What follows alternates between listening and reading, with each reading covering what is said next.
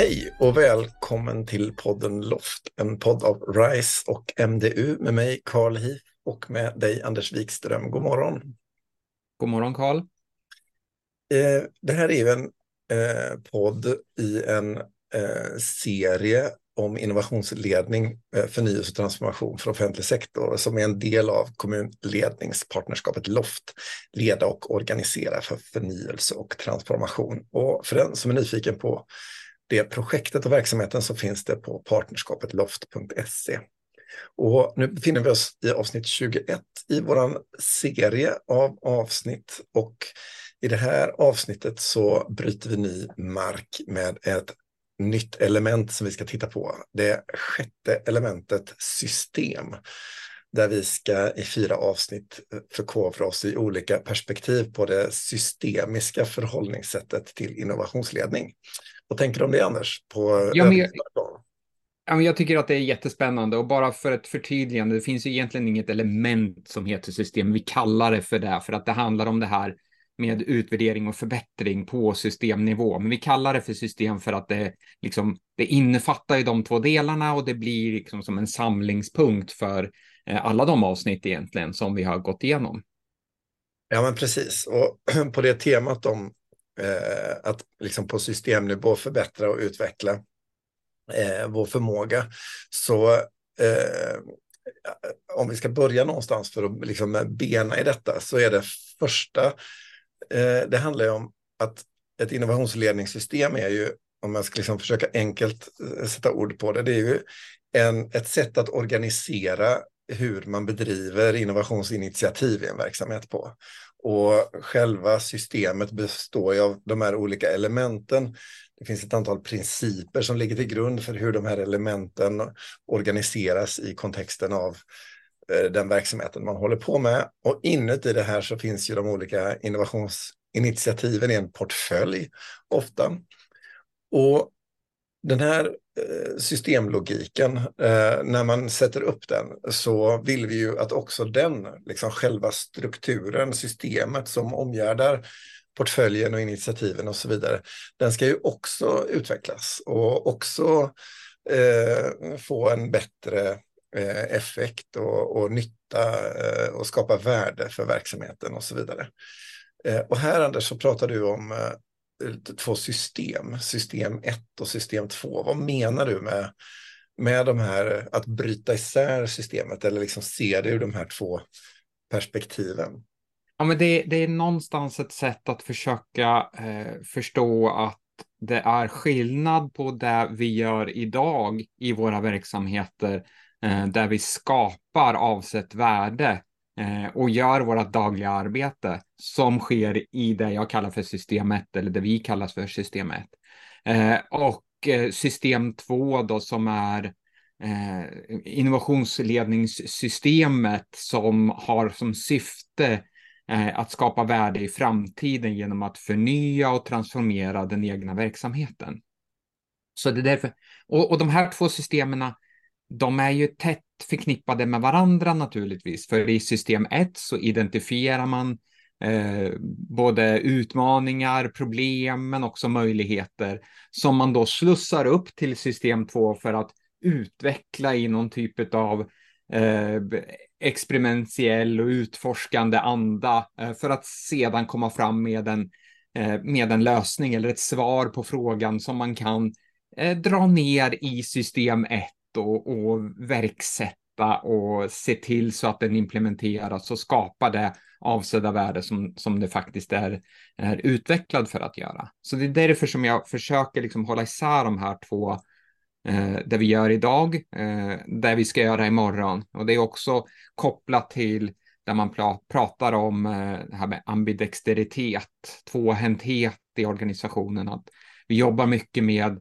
Eh, att skapa värde nu och det är jätteviktigt att vi blir effektiva och effektfulla i det arbetet. Men samtidigt så behöver vi utforska nya möjligheter och genom att se dem två, som två olika system som är nära kopplade med varandra så kan vi tydligare säga men nu befinner vi oss i system två så nu får vi inte ha det här perspektivet utan vi behöver ha ett annat perspektiv än systemet. Vad är liksom de kännetecknande skillnaderna mellan de här två systemen skulle du säga?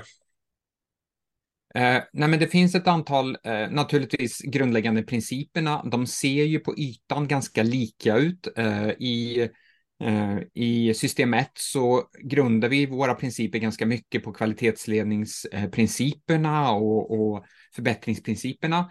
Eh, och i, i system 2 så är det mer utifrån innovationsledningsprinciperna. Då.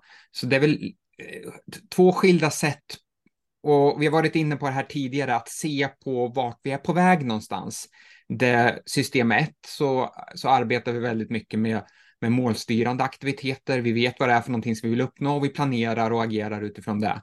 Medan i system 2 så, eh, så kanske vi har en idé om det värde som vi vill, eh, vill byta ut Eh, vägen att skapa på eller skapa ett nytt värde och då har vi andra logiker där vi utforskar och experimenterar oss fram till ny kunskap för att, eh, för att åstadkomma det. Så det jag vet inte om det var svar direkt på den frågan som du hade, men, men, men ändå, det, det, det liksom eh, någonstans så, så är det eh, i de perspektiven som vi lägger in i eh, ledarskapet och i hur vi agerar som är skillnaden mellan de här två. Eh, kortsiktiga, långsiktiga, eh, styrande, sökande. Ett, om man ska ta det till liksom den offentliga kontexten och en kommunkontext så är det ju ganska vanligt att man har arbeten som jobbar med systematiskt kvalitetsarbete, att man mäter, väger och följer upp verksamhet och så vidare. Det kan antingen vara utspritt i olika förvaltningar eller kontor, att liksom det pågår ett sådant arbete kopplat till den närverksamheten. Men det finns också kommunövergripande arbeten eller centrala arbeten. När det kommer till arbetet med förnyelse och system 2 som vi nu pratar om, det är lite grann samma sak där, att det kan ju dels finnas liksom lite närmare verksamheten och det kan också finnas liksom centralt organiserat. Men båda de här två förutsätter ju liksom för att få de här systemiska effekterna som vi har pratat om ur ett ledningsperspektiv så finns det ju ett värde av att ha liksom en samlad kunskap i en organisation kring systemet oavsett om vi pratar om det inkrementella förbättringsarbetet och system 1 eller om vi pratar om förnyelse och transformation, innovation i system 2. Mm. Eh, men Eh, just när det kommer till organisation av systemen och hur man gör där och så. Där ser jag också att man kan liksom se att eh, aktörer väljer att göra lite olika. Att eh, vissa väljer att se system 1 och system 2 som en del av samma organisation. Man har kvalitet och utveckling till exempel. Medan det finns exempel från andra organisationer där man har liksom delat på de här verksamheterna. Att det finns liksom en kvalitetsorganisation och sen finns det en innovationsorganisation. Och vad som är rätt och fel och vad som är bäst och sånt, det vet vi ju idag väldigt lite om. Eh, det mm. här liksom forskningsfältet och att förstå liksom hur ska vi organisera på systemnivå för att få ut mest effekt. Det är någonting som jag vet att du är jätteintresserad av och, och nyfiken på, liksom utforska och så där. Och i våra partnerkommuner i Loft så ser det här också lite olika ut och så. Det handlar väl nog väldigt mycket, tänker jag, om att idag att liksom bygga erfarenheter och prata och diskutera och samverka kring de här frågorna för att hjälpas åt att hitta sätten på vilket vi kan åstadkomma det här på ett sätt som inte skapar massor av administration eller onödig struktur eller eh, dubbel, inte ambidextrositet utan att man har liksom två saker som drar åt olika håll mm. eh, och sådär. Vad, vad, tänker du om det här med att organisera för förnyelse och transformation i relation till system 1 och, och det jag är inne på nu? Nej, men eh, jag tycker ju som du säger att det är jättespännande och vi har ju egentligen inte alla svaren på det eh, än så länge i hur man ska organisera det. Eh, och det kanske vi aldrig kommer att få heller för att det beror på den inre kontexten i organisationen och i vilket sammanhang den faktiskt existerar. Eh, jag följer ju ehm, ett initiativ där man har valt att, att någonstans lägga lite av den mest radikala innovationen eh, utanför kärnan på, på två stycken kommuner. Jag pratar så, såklart om samhällskontraktet som är en plattform mellan Eskilstuna kommun, Västerås stad och eh, Mälardalens universitet. Eh, och där, där har man valt eh, med avsikt att lägga liksom två av utvecklingskomplexa samhällsutmaningsområdena inom ramarna för en plattform där man mer ska arbeta med utforskande, experimentellt, man bygger testbäddar, vi, vi gör väldigt många olika saker för att någonstans skapa eh, ny kunskap, ny förståelse och vara en arena där, eh, där inte en specifik förvaltning äger frågan, utan det är eh, ett gemensamt anslag som äger frågeställningarna. Och där i ligger väl någonstans utmaningen, eh, problemet, men också möjligheten eh, beroende på hur man väljer att organisera sig. Då.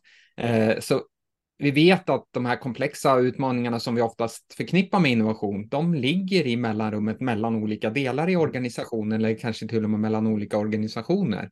Eh, och då behöver vi ha en, en, ett ägarskap som är gemensamt. Mm. Och det kan vara svårt att få till om man lägger det inom en organisation och inom liksom själva utvecklings eller förbättringskvalitetsarbetesområdet. Eh, Så att här finns det liksom, eh, tror jag, eh, öppningar och eh, aktiviteter, eh, förhållningssätt som man behöver få på plats för att vi, vi ska få det här att funka i mellanrummen mellan de olika delarna i en organisation eller mellan organisationer.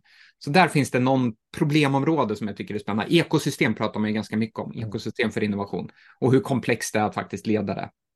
Och liksom en dimension av detta, nu är vi ju nu pratar vi mycket om liksom hur man organiserar på organisationsschema, strukturnivå och sånt där. Men sen är det ju en helt annan dimension. Det handlar om hur man organiserar själva arbetssätten och mm. eh, tillfälligt organiserade grupper, det man pratar om som liksom agila organisationer och så vidare. Eh, det får vi nog anledning att återkomma till i ett annat sammanhang. Eh, men eh, en annan dimension av detta med de här systemnivåerna eh, och att liksom förhålla sig till systematik och innovation. Vi har ju pratat om ett antal olika element eh, i den här serien och vi har tittat på liksom, företeelser kopplade till det här systemet från massa olika vinklar och vrår vid det här laget. Och eh, liksom är det rättvist att säga att liksom, de här delarna de är liksom värdefulla i sig själva som sina delar. Men att när man ser hur de hänger samman med varandra och eh, länkas ihop eller Eh, man ser systemet som en helhet så liksom kan man se andra effekter och värden än när man tittar på varje enskild del av ett innovationsledningssystem. Och att det liksom nästan ibland kan vara svårt att eh, se värdet när man bryter isär det, utan man liksom behöver kunna förhålla sig till att se hur innovationsledningssystemet fungerar, både som en helhet och, och som ett system i sig självt, men samtidigt också i de här delarna. Mm. Eh, och jag, jag, tycker att det här är svårt att liksom förstå hur de här delarna hänger ihop med varandra och hur, den här, hur man gör när man liksom tittar på någonting i helheten och, och på delarna. Men finns det liksom sätt att tänka och göra för att åstadkomma det här på ett bra sätt? Eller hur resonerar man för att liksom skapa en, en, ett bra förhållningssätt till både liksom delar och helhet i systemet? Ja, men ett sätt som, som jag sett fungerar väldigt bra i organisationer, det handlar ju om att använda visualiseringar till att förstå eh, hur systemet kan vara uppbyggt. Eh, vi brukar ju visa den här bilden emellanåt och, eh, som är en rund cirkel med de här olika systemelementen innanför den här cirkeln och så finns det lite, eh, lite ord och benämningar på dem naturligtvis. Eh, och, och det jag har fått till mig när vi pratar och diskuterar om innovationsledningssystem och helt plötsligt visar bilden är att då har vi större möjlighet, säger de som, eh, som jag har pratat med och som vi har diskuterat med kopplat till den här bilden, att eh, förstå hur delarna hänger ihop, men också att eh, befinna sig i ena stunden i ett helikopterperspektiv eh, och i andra stunden nere i en specifik eh, frågeställning i ett element och mm. snabbt kunna växla mellan de här två lägena. Yeah. Men ledarskapet hänger ju faktiskt ihop med hur vi, eh, hur vi utformar de första stegen i vår innovationsprocess. Hur identifierar vi möjligheterna? Ja, då behöver vi ha ett ledarskap som är öppet, som ger frihet, som, som utmanar medarbetarna eh, till att utforska nya saker. Då kan vi först eh, identifiera möjligheterna. Så att många organisationer säger så här, men vi gör alla de här grejerna som finns i de här eh, olika delarna. Eh, och, och det är så i, i eh, väldigt många fall. Men man har liksom inte kopplat ihop det utifrån de här principernas perspektiv och hur de här elementen, delarna faktiskt hänger ihop. För delarna är ju någonstans utformade för att eh, uppnå ett högre syfte. Eh, och det är ju hur de hänger ihop som skapar det högre syftets eh, effektfullhet, om man skulle säga så. Och här tänker jag att liksom ett sätt att se på det här med liksom helheten i systemet och att få de här liksom kugghjulen och liksom gå i takt med varandra på ett bra sätt. Eh, det handlar ju om vilken strategisk inriktning man har när det kommer till sitt innovationsledningsarbete. Och man har pekat ut en riktning på liksom vart man vill gå, man har en politisk vilja, vart man vill åstadkomma och så vidare. Ja, då får du en berättelse eh, och möjlighet att visualisera hur det här systemet ser ut. Men du kan också prata om det och sätta ord på eh, vad det är man behöver åstadkomma någonstans. Även om man inte vet detaljerna och man inte kan veta exakt vart man färdas, för vi har aldrig gjort det förut och framtiden är oviss, så får vi ändå liksom någonting att bygga vår berättelse kring och som gör att man kan förstå att jaha, men det är så här saker och ting ska hänga ihop och det är därför vi måste jobba tillsammans. Och här behöver vi samverka för att de här olika delarna kan inte göra det här var och en för sig, utan vi måste hitta eh, en väg ihop eh, och så vidare. Och att mm. någonstans just den strategiska inriktningen blir en eh, möjliggörare för att kunna förhålla sig till systemet på systemnivå. Ja, precis. Och, och den strategiska inriktningen är ju också det som möjliggör om vi faktiskt kan utvärdera och förbättra oss på systemnivå också. Hur menar du då? Nej, men om man inte har någonting och eh, om man inte har en strategisk inriktning, eh, hur vet vi då om, om vi får effekt på de initiativen och de eh, sakerna som vi gör i vårt ledningssystem? Men det vet vi ju inte då, utan då kan vi bara gissa oss till. Men om vi sätter upp eh, en, en strategisk inriktning och vi också kopplar an där mot eh, någonstans indikatorer. Och det behöver inte vara eh, mätetal, utan det kan vara andra typer av indikatorer. Ja, men då kan vi, det är först då som vi faktiskt kan se om vårt eh, ledningssystem för innovation fungerar så som vi har tänkt, eh, att vi får effekt av det och att vi uppfyller de eh, sakerna som vi vill eh, åstadkomma, det vill säga att vi når målet mm, kopplat till de indikatorerna som vi faktiskt har. Vi, vi kommer att prata mer i senare avsnitt här om eh, mätning och utvärdering och så där. Men om man bara skulle skrapa lite på ytan innan vi rundar av det här avsnittet. Eh, du menar att man behöver, för att det här liksom, kunna jobba mot den här strategiska inriktningen och veta att systemet löser den uppgift som man har satt på den. Att liksom utvärdering på systemnivå är viktigt. Eh, bara lite kort innan vi rundar av, vi kommer ju som sagt prata vidare om detta. Men vad, vad tänker du där? Ja, men jag tänker, när jag eh, kopplat till eh, systemnivån så brukar man prata om eh, Plan Do Check Act eller Plan Do eh, Study Act, en förbättringsloop som man lägger uppe på systemet där man eh, planerar sitt arbete, man genomför sitt arbete, man studerar eller eh, checkar av hur det faktiskt har gått eh, och utifrån det så skapar man ju någonstans en eh, en förbättringsåtgärd eh, kopplat till, eh, till där man eh, vill förbättra. Eh, det finns alltid saker att förbättra. Eh, oavsett hur bra det än går så, så finns det faktiskt saker att förbättra. Eh, och, och vi har gått igenom de här olika delarna eh, i systemet tidigare, planera och, och genomföra och, och, pratat om hur vi faktiskt går tillväga när vi åstadkommer eh, förnyelse och innovation eh, utifrån ett systematiskt perspektiv.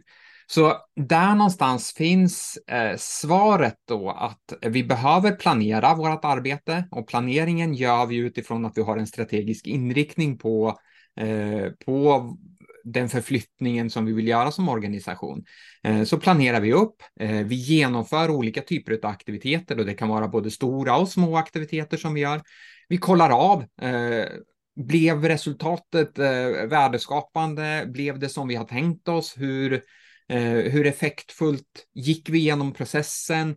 Eh, hur fungerade ledarskapet kopplat till den här processen? Hur, hur förstod vi eh, kontexten? Hur fungerade vårt stöd kopplat till att få den här eh, processen att gå så effektfullt som möjligt och så vidare. Och utifrån den analysen då på systemnivå så kan vi ju då se vad är det för någonting som vi faktiskt behöver förbättra för att åstadkomma det här eh, ännu bättre nästa gång vi vi går in i den här typen av processer. Och det här är ju inte någonting som man gör bara vid ett tillfälle per år, utan det här behöver ju ske kontinuerligt också. Vi planerar, vi, eh, vi genomför, vi checkar av och vi, eh, vi förbättrar oss kontinuerligt på processerna, på de olika delarna i elementet.